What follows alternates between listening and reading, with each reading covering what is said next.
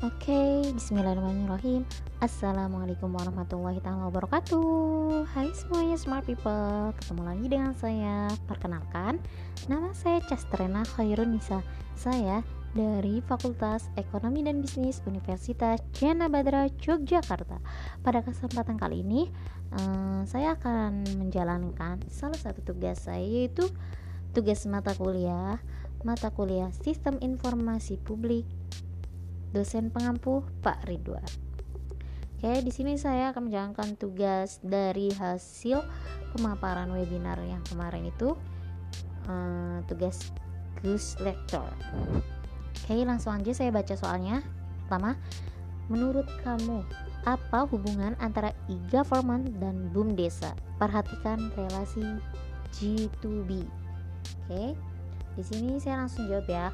Menurut saya pribadi, hubungan antara e-government dan BUMDesa yaitu hubungannya layanan transaksi elektronik antara pemerintah dan pelaku bisnis. Jadi di sini pemerintah sebagai e-government sementara BUMDesanya itu sebagai pelaku bisnisnya gitu.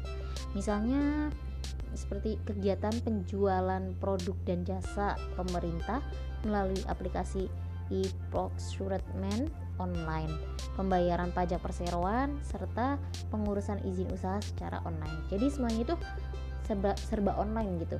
e-gov, e-government. Oke, lanjut di yang soal nomor 2. BUM Desa Jati Unggul akan mendirikan unit usaha baru yang membutuhkan izin-izin usaha.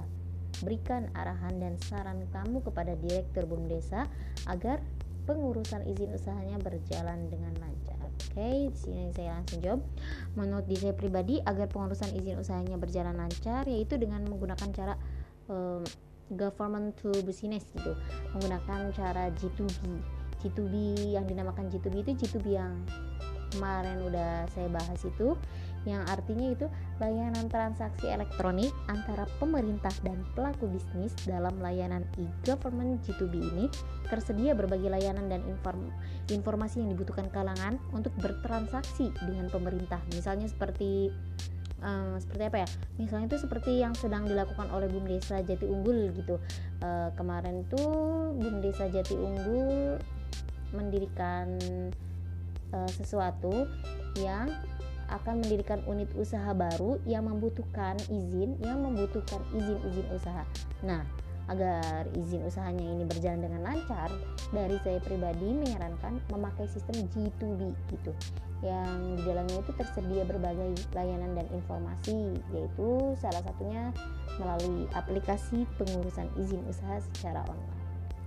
Oke, mungkin hanya ini saja yang dapat saya sampaikan. Kurang lebihnya mohon maaf karena kesempurnaan hanyalah milik Allah semata. Wabillahi taufiq wal hidayah. Wastafikum. Wassalamualaikum warahmatullahi wabarakatuh. Sampai ketemu lagi di episode berikutnya.